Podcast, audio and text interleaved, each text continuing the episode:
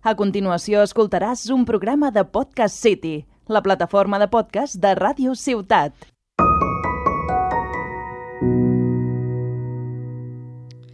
Bona tarda.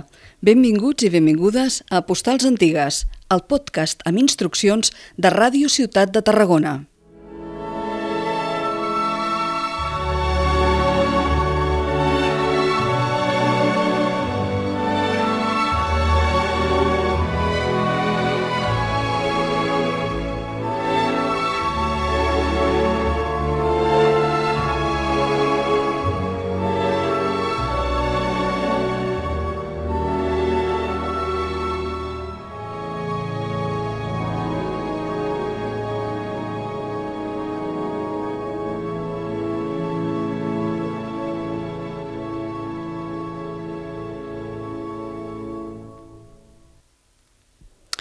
M'atreveixo a afirmar que, si habitualment els podcasts de postals antigues es reforcen amb imatges que crec que heu de veure i que estan penjades a la web de la ràdio, el d'avui encara més, perquè les imatges que acompanyen les paraules s'han perdut en l'espiral del temps i els elements que s'hi veuen es van destruir per mala fortuna algun i de forma malvada altres ja fa molt de temps.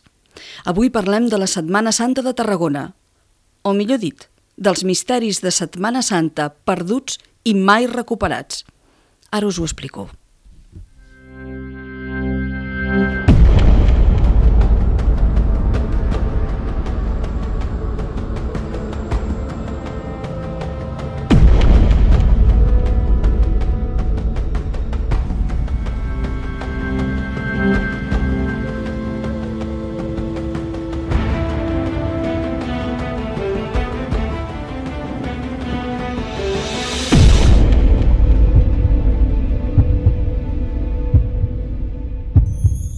De les 52 setmanes que té l'any, la Setmana Santa, que coincideix amb la primera lluna plena de primavera, és la més greu i solemne de totes. Als anys normals, la Setmana Santa tarragonina està ben farcida d'actes que comencen bastants dies abans de la setmana en qüestió, amb la presentació dels opuscles, els viacrucis, les crides a oració als distints temples de la ciutat. Però el dia àlgid, en el que Tarragona sencera és als carrers, és el divendres sant al vespre, perquè aquest dia celebra l'esdeveniment més important, la processó del Sant Enterrament.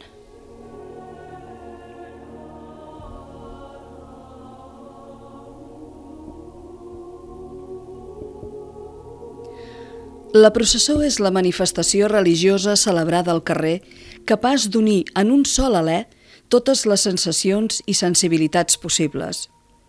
És emoció, devoció, silenci, penitència, humilitat, petitesa davant la grandesa, recordatori d'uns fets biogràfics concrets atribuïts a un home que ha resultat ser únic al llarg de la història de la humanitat i gràcies al qual la fesomia del món va canviar per ser ben bé una altra.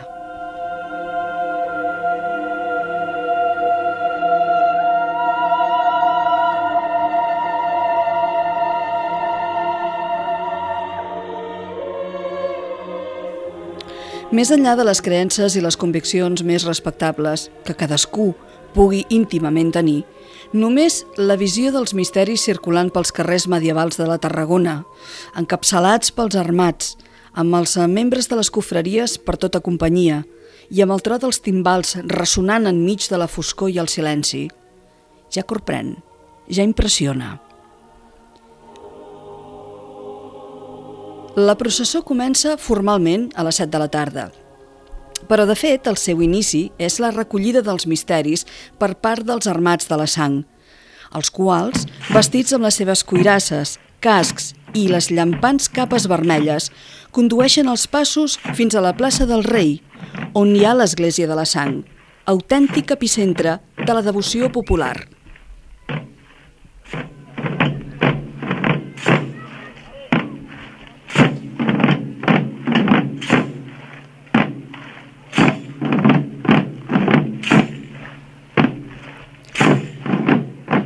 Arrenca la processó del Sant Enterrament.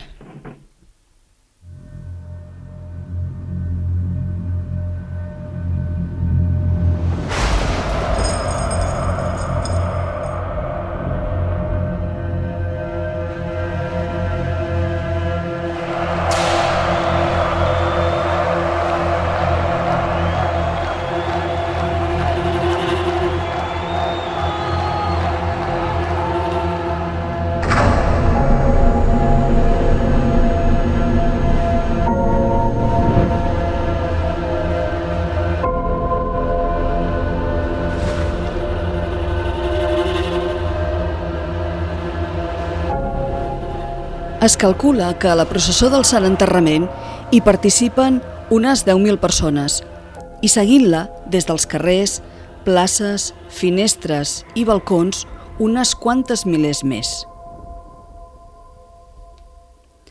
Al llarg de tot un recorregut que circula pels carrers de la part alta de Tarragona, però que també arriba fins a la Rambla Nova, s'hi poden veure circular fins a 19 misteris, començant pel Sant Sopar i acabant per la Soledat i el Crist de la Sang.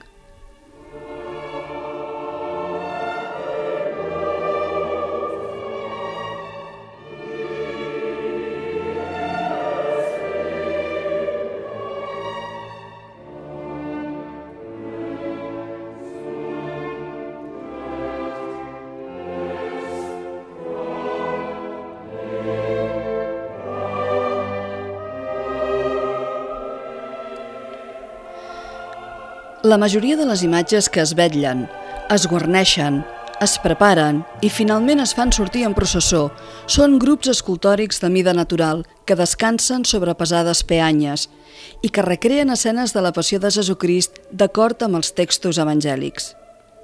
Sentimentalment, no cal ni dir, i artísticament i com a part del patrimoni cultural i religiós de la ciutat, els misteris tenen un valor i significat enormes. Thank you.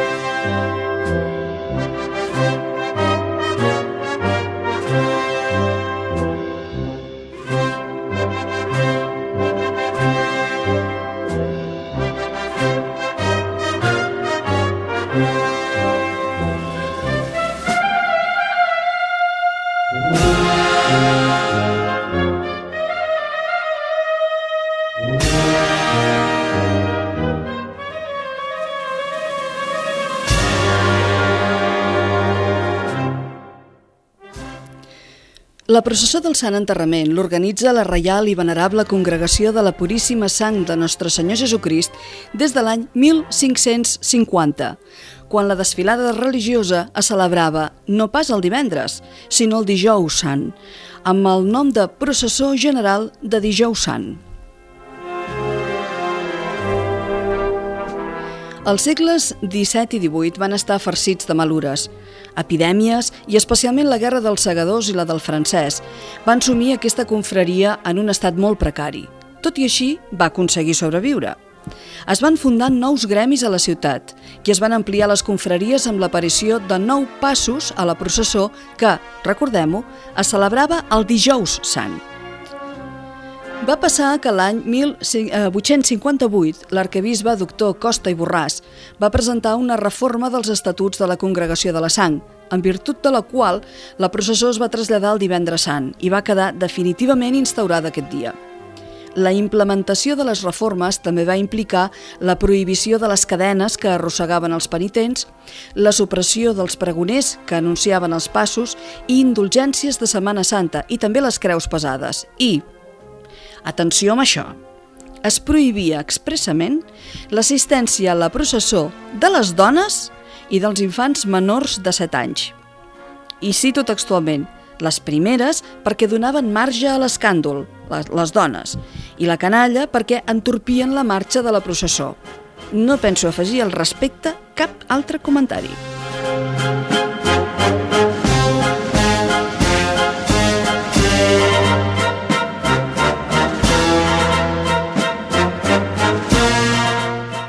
L'any 1886 es va definir el recorregut pels carrers de la part alta que encara es manté a dia d'avui.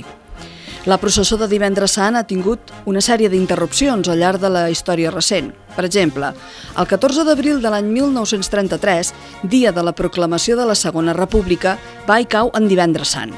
En conseqüència, la processó no es va celebrar i l'any següent tampoc. La Guerra Civil també va significar un altre parèntesi forçat en la vida de la processó i, a més, les agrupacions es van quedar sense el patrimoni de segles perquè els revoltats nacionals que havien iniciat la guerra es van dedicar a cremar nombrosos passos, vestimentes, estris i documents. Els anys 2020 i 2021 i esperem que quedi aquí, també passaran a la història per l'anul·lació de tots els actes de Setmana Santa a causa de la pandèmia anys per recordar i per oblidar a parts iguals.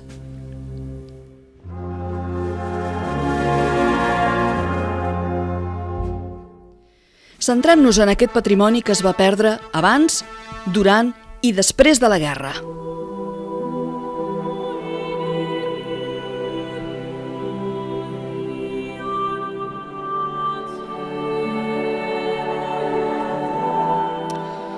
Hi ha una data que és clau, el 21 de juliol de 1936. Tot just havia esclatat la Guerra Civil.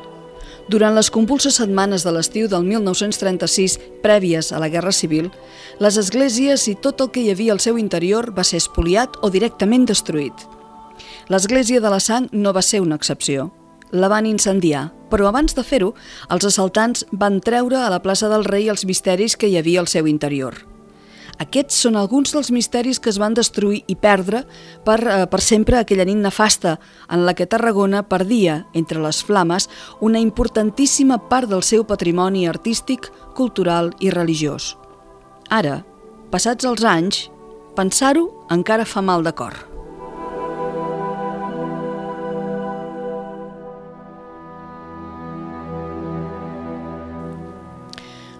L'oració a l'hort és un motiu amb una llarga tradició a la processó de divendres sant a Tarragona. Al segle XVIII, la confraria del gloriós Sant Miquel Arcàngel del Gremi dels Mestres Teixidors, que tenia el seu estatge social a l'església de Sant Miquel del Pla, acompanyava el pas de l'oració a l'hort.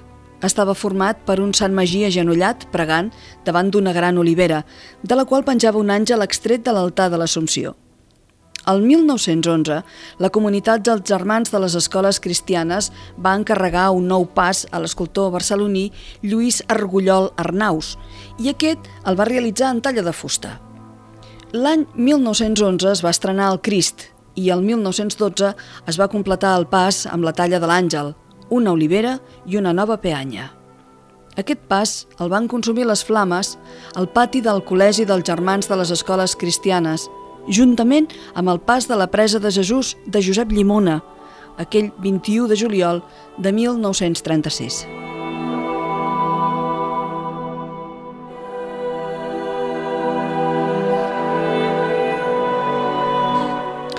Precisament aquest segon misteri que podreu veure a les postals antigues si entreu a la web de la ràdio, el de la presa de Jesús, conegut popularment com el petó de Judes, era obra del famós escultor Josep Llimona Bruguera.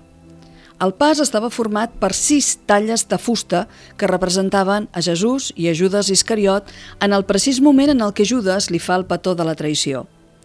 Les altres quatre figures representaven els servents i soldats dels sacerdots.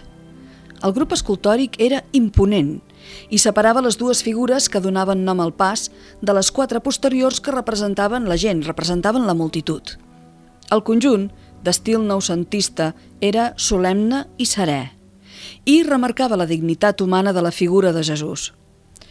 Com a anècdota curiosa us explicaré, eh, anècdota però, mm, curiosa però significativa, que quan Josep Llimona va projectar aquest misteri ja era un escultor de renom i ben cotitzat. Però, en consideració als pocs recursos de l'associació i l'efecte que sentia per l'arquebisbe tarragoní del moment, que era Vidal i Barraquer, Llimona no va voler cobrar res per la seva feina. El pas va desfilar per primer cop el divendres sant del 3 d'abril de l'any 31 i el van cremar el 21 de juliol de 1936.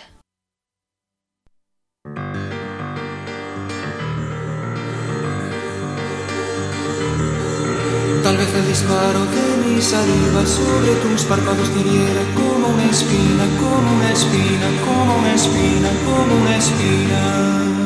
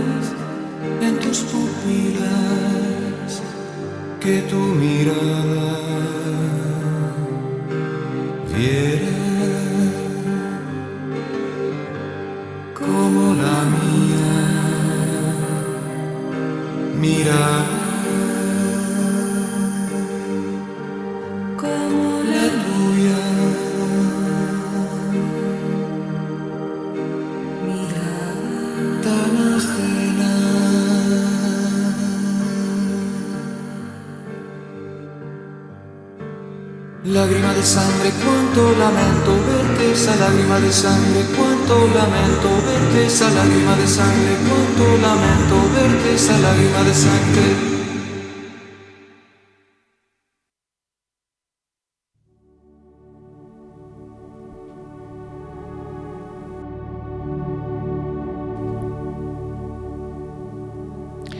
El pas de la flagelació de Jesús, altrament dit els assots, ja era present a la processó de l'any 1868 i estava format per tres figures, Crist i dos butxins que l'assotaven.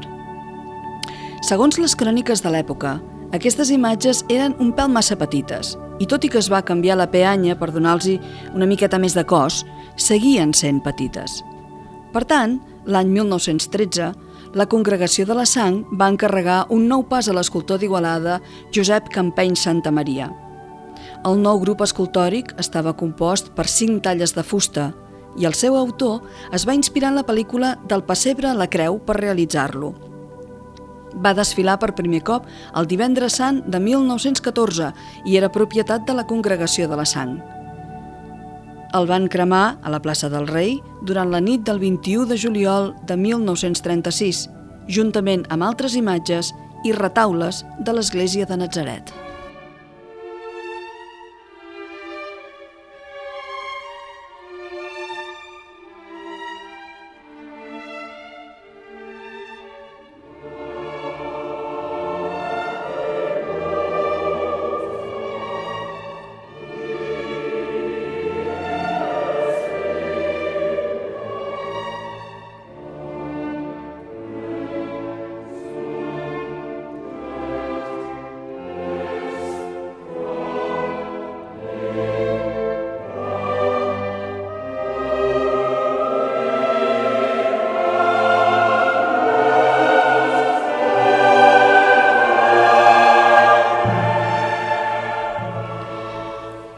L'exeomo actual, n'hi havia un altre, un altre exeomo més primitiu, que estava datat des de l'any 1565 i que posteriorment es va substituir a l'any 1804 per una talla, obra de l'escultor Salvador Gurri Coromines.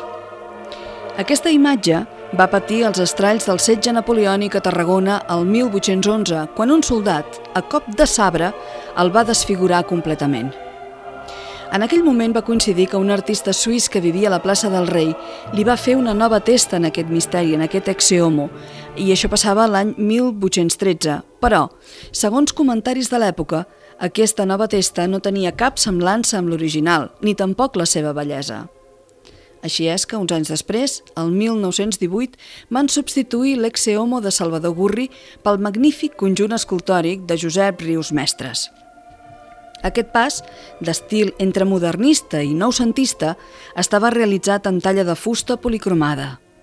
Incluïa un personatge particular que no sol aparèixer en els misteris de Setmana Santa, que és un dolent de la pel·lícula, en aquest cas a Pilat, presentat a Jesús al poble amb un signifer al costat d'una columna en capitell corinti.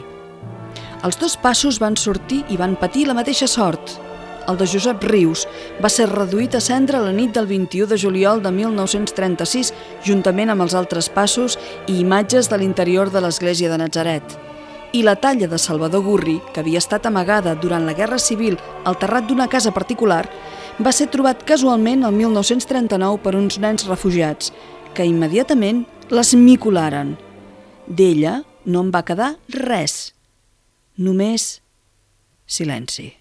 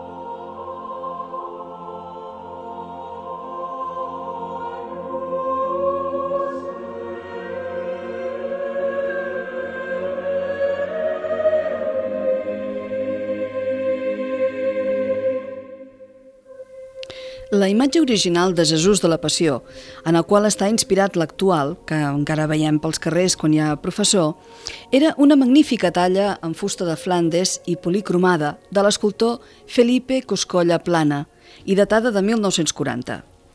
L'artista va cobrar per la imatge La Peanya, també realitzada pel mateix autor, la friolera de 10.000 pessetes de l'època, perquè ens endeguem uns 60 euros.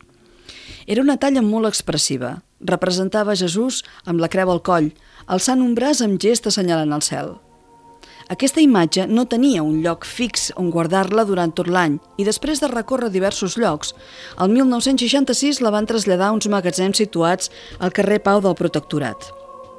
La nit del 28 d'agost de l'any 1973 va desaparèixer engolida per les flames d'un incendi provocat per un curt circuit. Del pas, només en queda un bloc de fusta carbonitzada que es garrifa, i tot i que encara es pot entreveure la majestuositat del que va ser una magnífica talla, la talla del misteri actual és de l'escultor tarragoní Jordi Amanós i es va incorporar a la processó de Tarragona l'any 2008. Si sentiu curiositat i voleu veure encara aquest bloc de fusta carbonitzat que eh, té una certa semblança amb un Jesucrist, podeu anar a l'església de Sant Joan i en un raconet, a dins una vitrina, el, el podreu veure.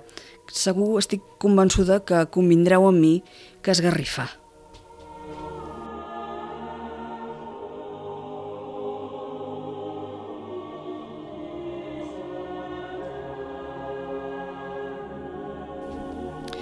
Es té constància que una figura del Nazaret, dipositada al convent de Santa Clara, ja desfilava amb el nom del Portacreu, fins que l'any 1811 els soldats de Napoleó la van destruir. A partir del 1815 es va utilitzar com a Nazaré una imatge que es creu que datava del segle XVII i que pertanyia als franciscans. Aquesta imatge, vestida i amb cabells naturals, desfilava sola, fins que el 1907 se li van incorporar les Tres Maries i també una nova peanya. El misteri es va salvar de la destrucció de 1936, llevat de la imatge de Jesús Nazaré, que, com que es guardava a l'església de Nazaret, va patir exactament la mateixa sort que les altres que allí estaven dipositades.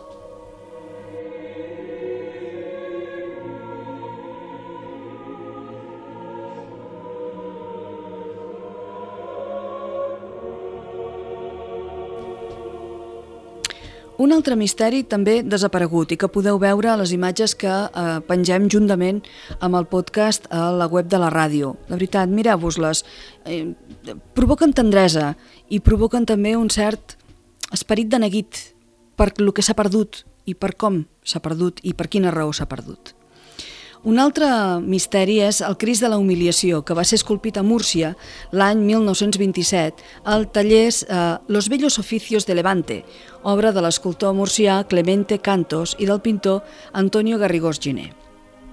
Aquest misteri té una història ben curiosa. Mireu, el pas figurava Jesús tot sol portant la creu.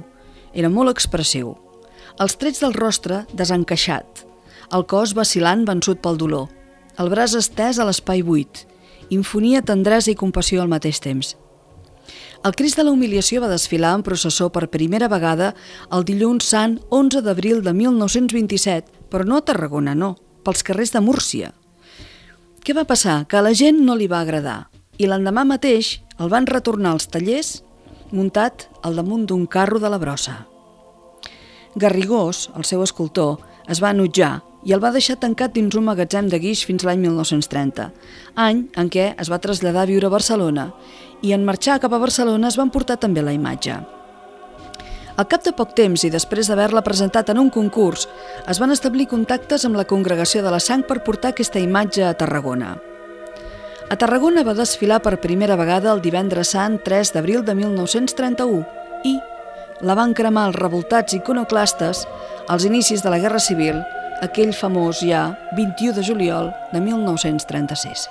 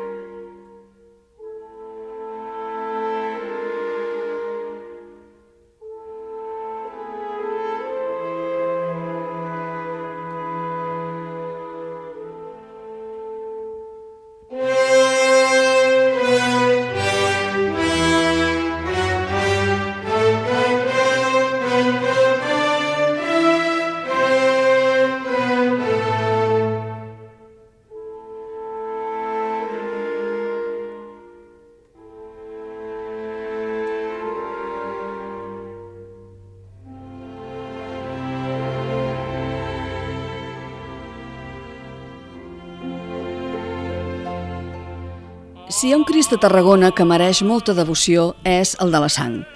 És, de fet, la imatge que clou la processó de divendres sant i fins i tot els armats fan una altra sortida especial per anar-lo a buscar i el vetllen en un recorregut a banda fins a arribar de nou a l'església de la sang a la plaça del Rei. La imatge antiga, original, del Sant Crist de la Sang era una talla de fusta que datava de l'any 1617, obra de l'escultor francès Benet Baró. Aquesta talla, que duia cavallera natural, va substituir la imatge fundacional de la congregació del segle XVI. El 21 de juliol de 1936, aquesta venerada imatge va ser destruïda i cremada a causa de la persecució religiosa durant la Guerra Civil. De la talla, només en va quedar un petit tros de la cara que avui dia encara es conserva dins d'una urna a la sala de juntes de la Casa de la Sang, seu de la congregació.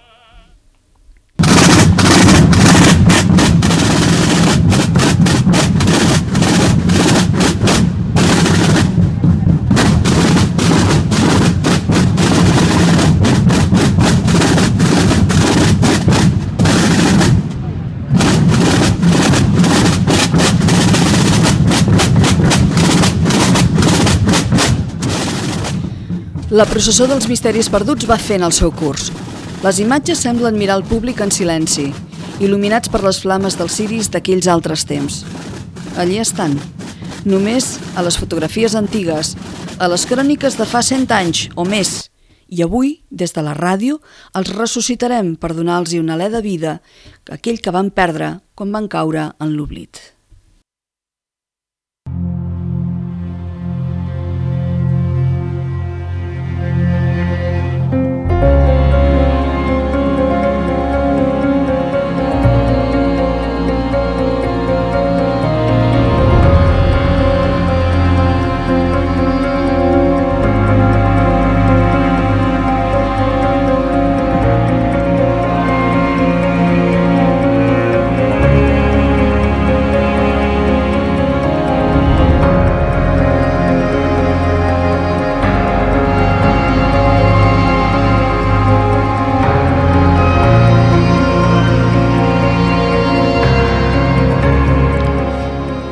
El gremi dels hortolans ja assistia a la processó amb el misteri de la pietat. La Mare de Déu, al peu de la creu, sosté el cos inert de Jesús sobre la seva falda. Al pit de la Mare de Déu hi ha un cor traspassat per set espases. Dos àngels querubins consolen el seu dolor. El pas era dut a coll per vuit homes.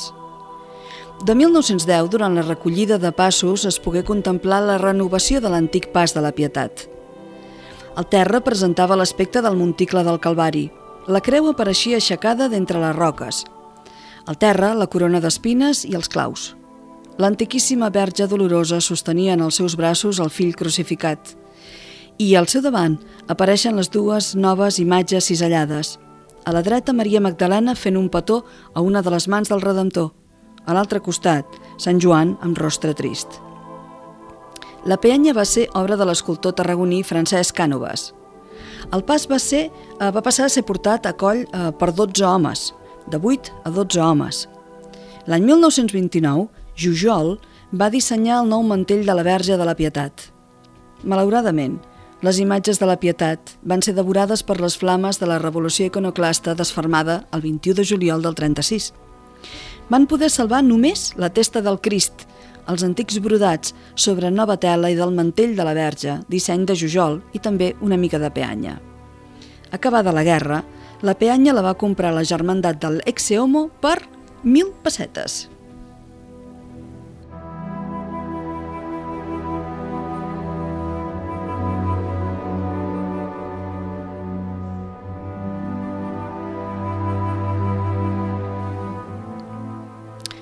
El primitiu sant enterrament del gremi de marejants era obra d'Isidre Espinal i Serra Rica i està datat al 1713. Hi apareixien cinc figures, Jesús inert, Maria Magdalena i dos sants que podien ser la Mare de Déu i Sant Joan o bé Josep d'Arimatea i Nicodem.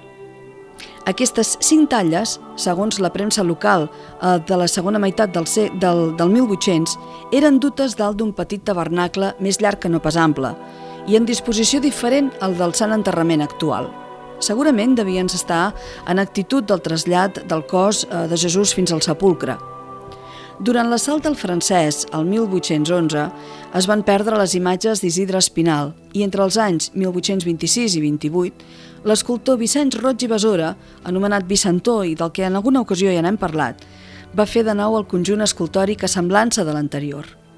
Uns anys després, el 1858, el pas va ser reformat totalment i es va canviar la disposició del conjunt, passant a ser frontal. Finalment, l'any eh, 1902, el pas va ser novament restaurat completament. Se li va afegir nova il·luminació i una nova peanya, quedant, com podem veure a la fotografia que us adjuntem i que podeu eh, veure entrant a la web de la ràdio. Una altra víctima del 21 de juliol de 1936, aquella tarda nit, el conjunt escultòric del Sant Enterrament va ser reduït a cendres davant mateix de l'església de Sant Pere del Serrallo.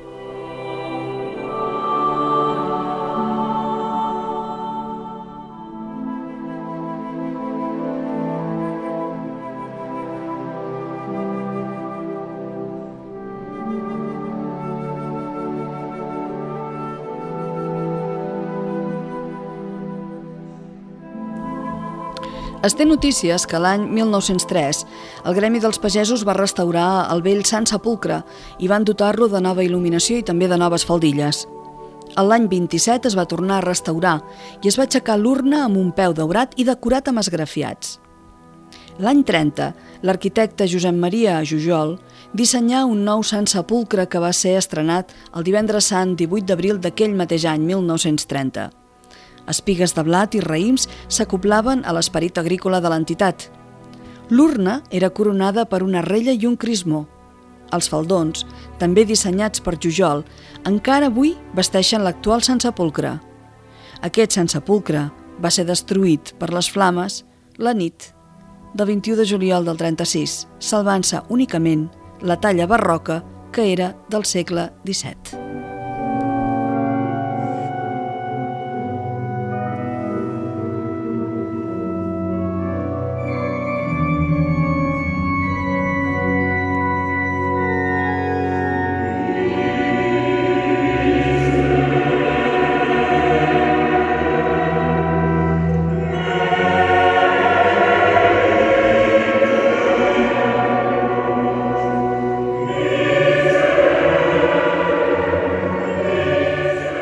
Avui més que mai us commino i us convido i us empenyo a que entreu a la web de la ràdio i que busqueu Podcast City.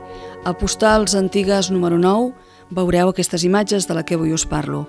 Són imatges passades, són imatges perdudes, són misteris que no tornaran a sortir mai més i que bé, jo suposo que aquella nit del 21 de, de juliol devia cremar tot Tarragona, allò devia ser absolutament espantós amb un fons de miserere de, del Vendrell, en aquest cas el miserere concret del meu poble, avui acomiadem aquestes postals antigues. De veritat, mireu aquestes, aquestes imatges, val, val molt la pena, val molt la pena, és l'únic que ens queda d'aquest patrimoni. Us hem acompanyat els que estem aquí. Òscar, gràcies novament per, per la teva companyia, el teu saber fer. L'Òscar Martínez, al control, i us ha parlat Rosa Pros. Gràcies, cuideu-vos molt. Fins al proper dia.